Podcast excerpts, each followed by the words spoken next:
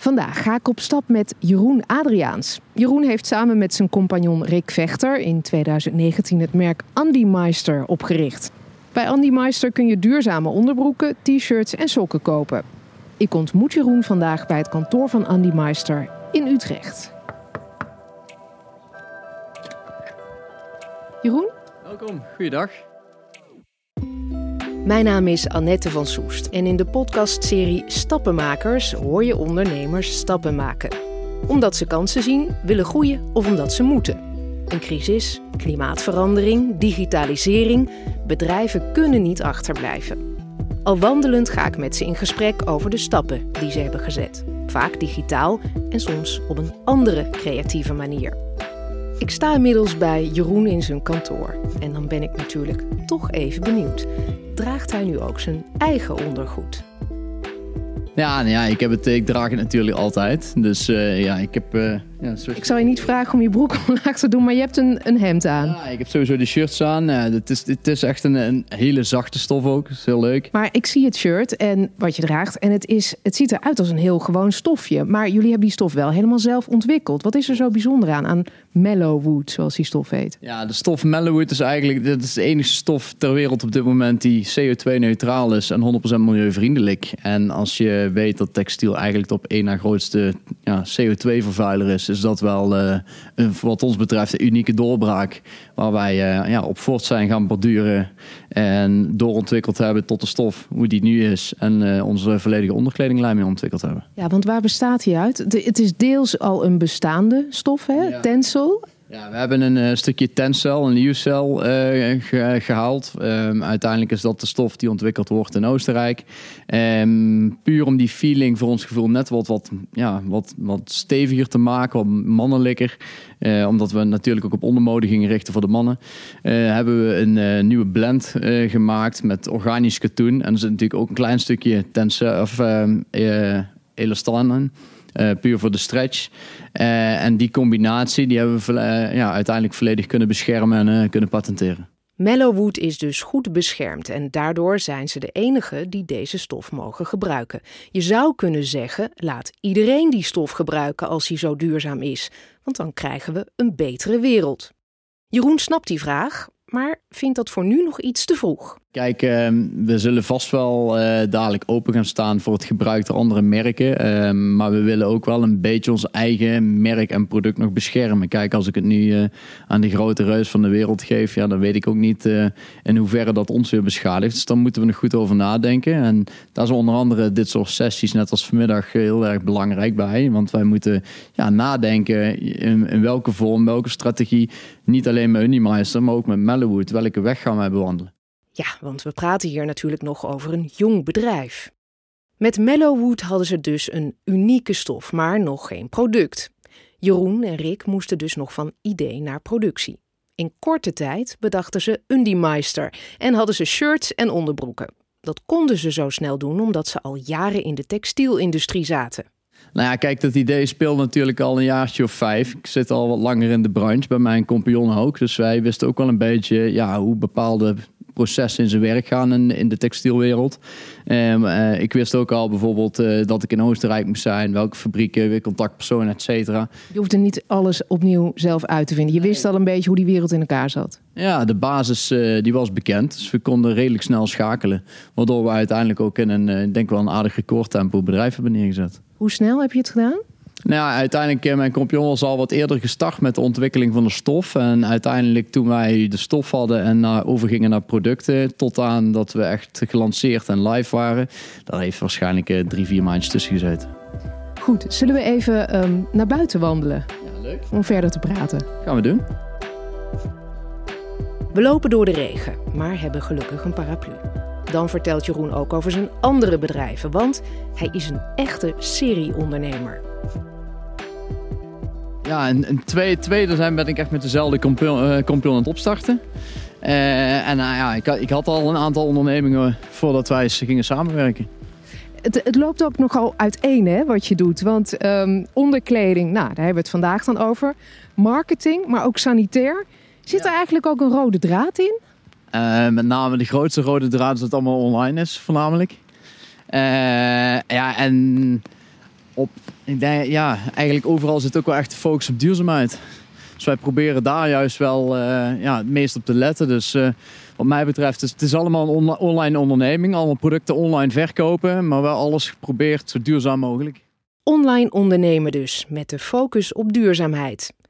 Die duurzaamheid is voor Jeroen heel belangrijk, maar, zegt hij daar ook eerlijk bij, je moet ook pragmatisch blijven. 100% duurzaamheid bestaat niet. Kijk, ons product, als ik naar Unimeister kijk, um, wij doen het maximaal duurzaam. Maar waarom maximaal duurzaam? Onze stof is duurzaam. Alleen wij kunnen nooit maximale duurzaamheid garanderen. Want je hebt vervoersbewegingen tussen fabrieken naar de klanten toe, et cetera. Dus ik ben altijd heel voorzichtig om die claim proberen te maken. Maar als ik kijk naar wat binnen ons bedrijf het belangrijkste is, dan is dat natuurlijk. Uiteindelijk moeten we allemaal onze boterham verdienen en ons gezin onderhouden. Maar ik denk dat plezier en uiteindelijk inderdaad wel een mooiere plek achterlaten, ook voor mijn kindjes later. Nou, dat, eh, dat heeft voor ons wel een prioriteit. Maar 100 procent CO2-neutraal zijn, ook in alle ja, processen om, om de stoffen. Ja, maar dat, dat, is, dat is niet je ambitie of is dat toch wel een streven? Nou ja, dat zou zeker een streven zijn. En ik vraag me af of dat ooit mogelijk gaat zijn. Tenminste, uh, ik denk dat we daar nog iets meer tijd voor nodig hebben dan, uh, dan de komende 100 of 200 jaar. Niet alles is dus mogelijk, maar tegelijkertijd wil Jeroen er wel voor zorgen dat alles wat duurzaam kan ook duurzaam gebeurt dan hebben we het dus over het hele productieproces van zijn shirts en onderbroeken. Nou, alles wat wij, wat wij doen, hebben we echt heel bewust uh, ja, ook fabrieken, productiefaciliteiten op uitgezocht. Dus alles is gecertificeerd van ja, bijvoorbeeld de, de GOTS-certificaten die in de kleding veel voorkomen. De wat certificaten? Ja, dat is uh, GOTS noemen ze dat, dat is GOTS. Uh, dat zegt eigenlijk alles over de werkomstandigheden. Hoe wordt er met personeel omgegaan? Wat zijn de condities? Uh, dat soort zaken. Dus uh, daar zitten we echt bovenop. ja, het enige wat we, ja, waar we op dit moment heel druk mee bezig zijn, is ook te kijken of we al een stap kunnen zetten richting transporteurs naar onze eindklant toe, die bijvoorbeeld elektrisch rijden. In de grote steden zie je steeds meer fietscouriers, daar zijn we nu mee in gesprek. We hebben afvalpunten toegevoegd, omdat ja, inmiddels ook bewezen is dat dat uh, vervoersbewegingen terugdringt. En ja, een simpel voorbeeld ook gewoon in het proces zelf bij ons. In het begin deden we abonnementen. Ja, dan ga je producten per stuk verkopen. Maar dan, ja, dan creëer ik heel veel vervoersbewegingen met een kleine, een kleine order. Dus toen hebben we die abonnementenmodel hebben we eigenlijk meteen vaarwel gezegd. Die hebben wij vervangen voor een kortingstaffel die wij de, de Meisterstaffel noemen. Hoe meer je bestelt, hoe meer korting. En het een, ja, ik geef eigenlijk geen korting op mijn product. Ik reken de, eigenlijk de kosten van transport, van uh, het inpakken, verpakkingsmaterialen, alles reken ik door naar de klant. En dan kan ik hem zo laten oplopen. Waardoor de klant uiteindelijk een heel voordelig product heeft. En ja, met de intentie, ik heb liefst natuurlijk dat je één keer bestelt van een heel jaar, dan dat ik twaalf orders heb. Was dat echt puur een beslissing genomen vanuit duurzaamheidsoogpunt? Of, of, of namen er ook niet zo heel veel mensen een abonnement op onderbroeken? Nou, de onder, onderbroekabonnementen gaan echt goed. Eh, als je puur en alleen naar cash kijkt, eh, als je naar je bedrijfswaarde kijkt, zijn abonnementen goud. Alleen het past gewoon niet in ons model. En dit is echt een puur en alleen een, ja, een overweging geweest vanuit duurzaamheid. Jeroen probeert met zijn bedrijf dus zo duurzaam mogelijk te zijn in een industrie die nog heel vervuilend is. Die aanpak valt op. Zo werd hij met Undimeister ook al snel gekozen in de KVK Innovatie Top 100. Eigenlijk loopt zijn bedrijf vanaf het begin af aan al goed. Dat begint al met de financiering, die vlot van de grond komt. Nou, het stukje is uit eigen middelen gekomen en we zijn een crowdfunding uh, gestart. Dat hebben we op een uh, crowdfundingsplatform Crowdabout Now gedaan. Uh, met name omdat daar, ook daar toch wel wat meer focus op duurzaam uh, ligt. En ja, we hadden natuurlijk wel die stof. Um, en daar hebben we toen een crowdfunding opgetuigd. En ja, die is eigenlijk ook binnen enkele dagen volledig gevuld. Binnen 48 uur, hè? Ja, dat ging heel snel, ja. Had je dat verwacht? Nee. Heb je daar iets bijzonders voor gedaan? Nee, nee ja, eigenlijk niet. Ja, uh, Rick heeft wel een behoorlijk netwerk en die had hem daar gedeeld. En uh, uiteindelijk, uh, ik had, ja, ik, we hebben hem eigenlijk al, ja, voornamelijk op onze zakelijke netwerkplatforms gedeeld. En de mijne was natuurlijk ook wel behoorlijk gegroeid in de laatste jaren. En ja, we zien ook dat het met name uit de, ja, is niet alleen bekende kringen, maar ook de trouwe achterban. Hè. Ik heb voorheen in de bamboekleding gezeten, Rick ook. En ook vanuit, uh, vanuit daar zien we gewoon dat er uh, bekende namen tussen komen. Dus dat is hartstikke leuk. Er is dus al heel snel voldoende geld. En daarna gaat het ook hard met de verkoop van de shirts en onderbroeken. Soms zelfs iets te hard. De groei is wel dermate snel gegaan dat we uh, ook echt wel even wat voorraadproblemen hebben gehad. Uh, ja, we kregen het met de productie bijna niet bijgehouden.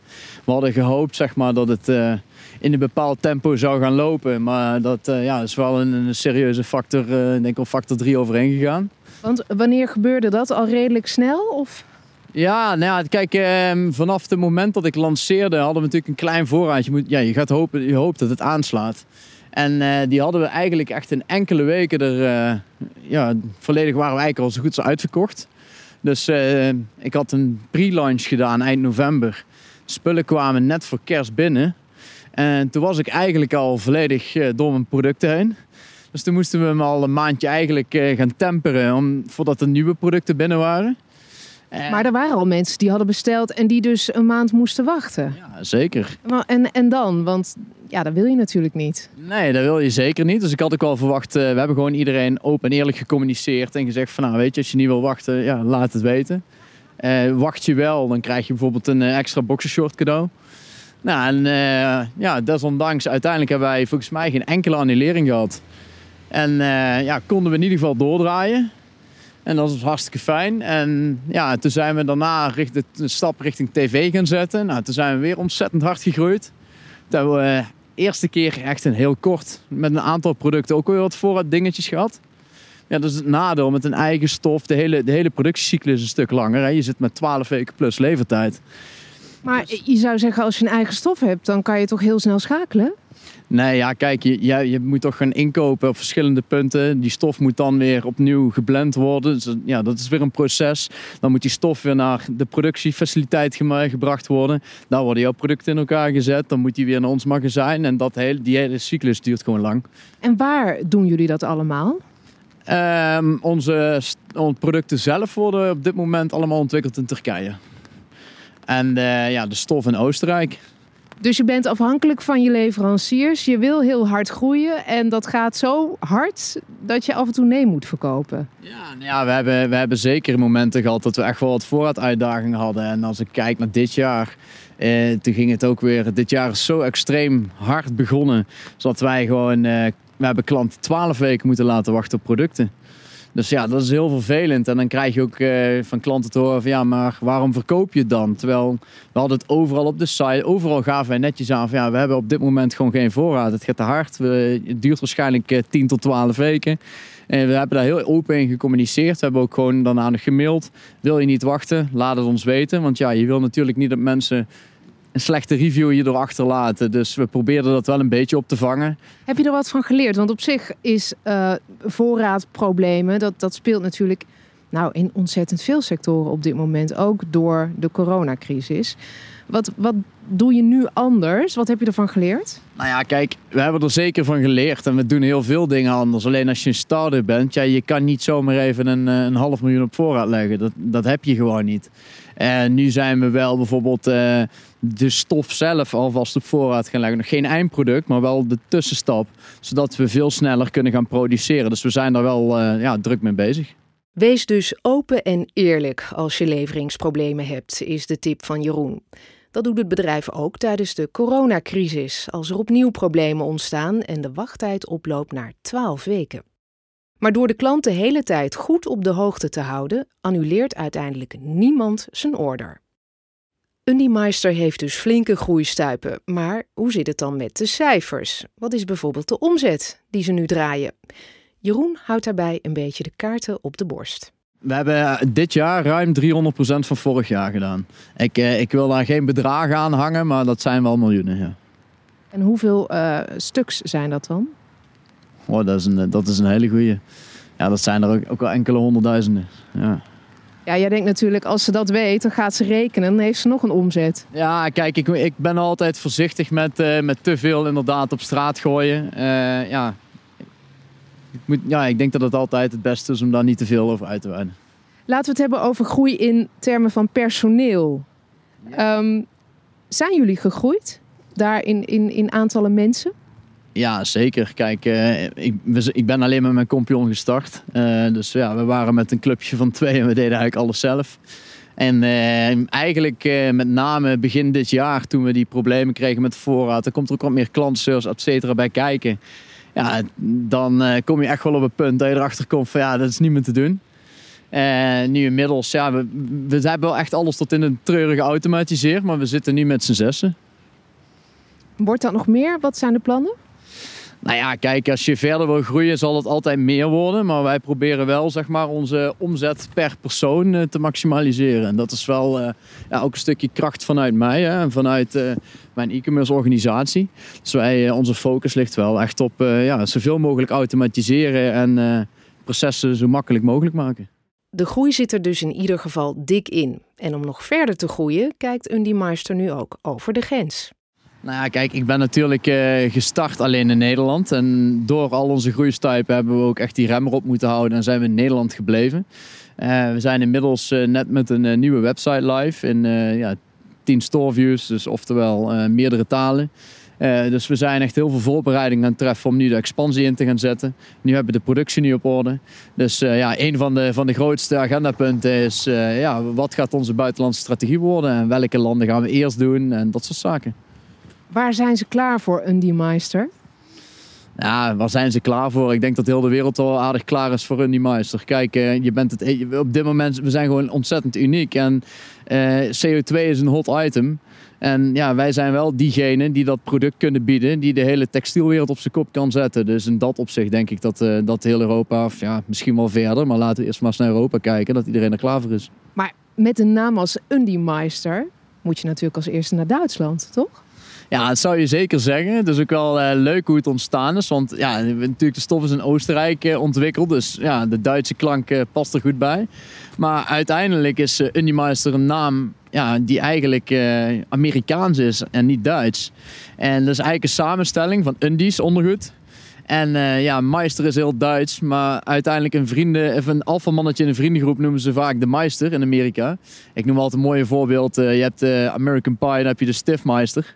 Nou ja, we hebben eigenlijk die samenstelling gemaakt. Want wij zeggen eigenlijk, wij zijn het alfamannetje in de textielland of in ondergoedland of hoe je het wil noemen. En zo zijn wij op de naam uh, Undiemeister gekomen. Jullie gaan dus ook geen undies voor vrouwen maken? Nou, of wat wordt dan de naam? Nou, ik, eh, ja, dat, wordt, dat, is een, dat is een hele goede vraag. Daar durf ik nou ook nog geen antwoord op te geven. Maar op dit moment uh, focussen we ons echt alleen op beheren. Spannende tijden komen eraan. Ja, zeker, zeker. Het zijn hele spannende tijden. Maar wel de allerleukste. Met een zo duurzaam mogelijke productieketen en een zo eerlijk mogelijk verhaal naar de klanten is Undimeister dus hard op weg om de eigen ambities waar te maken. Mijn naam is Annette van Soest. Leuk dat je luisterde naar deze aflevering van Stappenmakers. Wil je horen welke stappen andere ondernemers hebben gezet? Luister dan de hele serie. Ben jij ondernemer en wil je meer informatie over duurzaam ondernemen? Ga dan naar kvk.nl. Vorig jaar bemachtigde Undimeister dus een plekje in de Innovatie Top 100. Ben je nieuwsgierig welke inspirerende bedrijven dit jaar in de top 100 staan? Kijk dan op kvkinnovatietop100.nl.